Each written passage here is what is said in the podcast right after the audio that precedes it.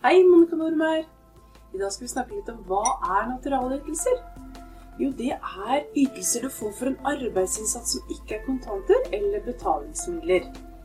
Og vi har noen eksempler på hva det kan være. Det kan være varer og tjenester. Eller aksjer. Det kan være rimelig lån fra arbeidsgiveren. Eller bruksrettigheter, f.eks. hjemme-PC eller telefon. Så, eller andre goder, f.eks. Vel, eh, rimelig velferdstiltak. I utgangspunktet så er enhver fordel vunnet ved arbeid, som det så fint heter, altså fordeler du får via arbeidet ditt, skattepliktig for den ansatte. Men det er jo alltid noen unntak, da. Så det er ingen regel uten unntak. og Derfor snakker vi om skattepliktige og skattefrie naturalytelser.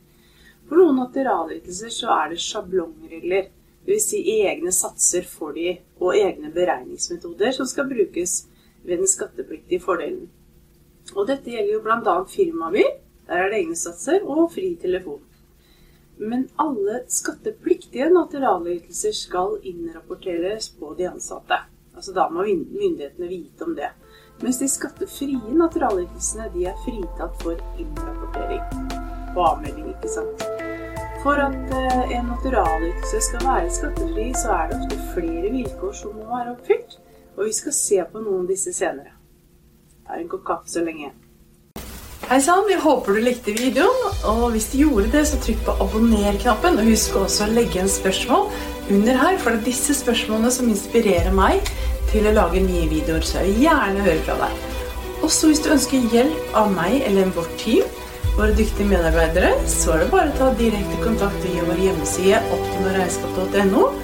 Der kan du enten booke time via vår kalender, eller du kan sende mail med oss. Så jeg ønsker å gi deg mer innsikt og mer strategier og deltakelse ved å hjelpe deg til det neste nivået til suksess. Inntil neste gang, vær så snill å melde deg på. Klikk og ned, og del med noen som kan ha nytte av denne videoen i dag. Takk for at du er en del av samfunnet vårt.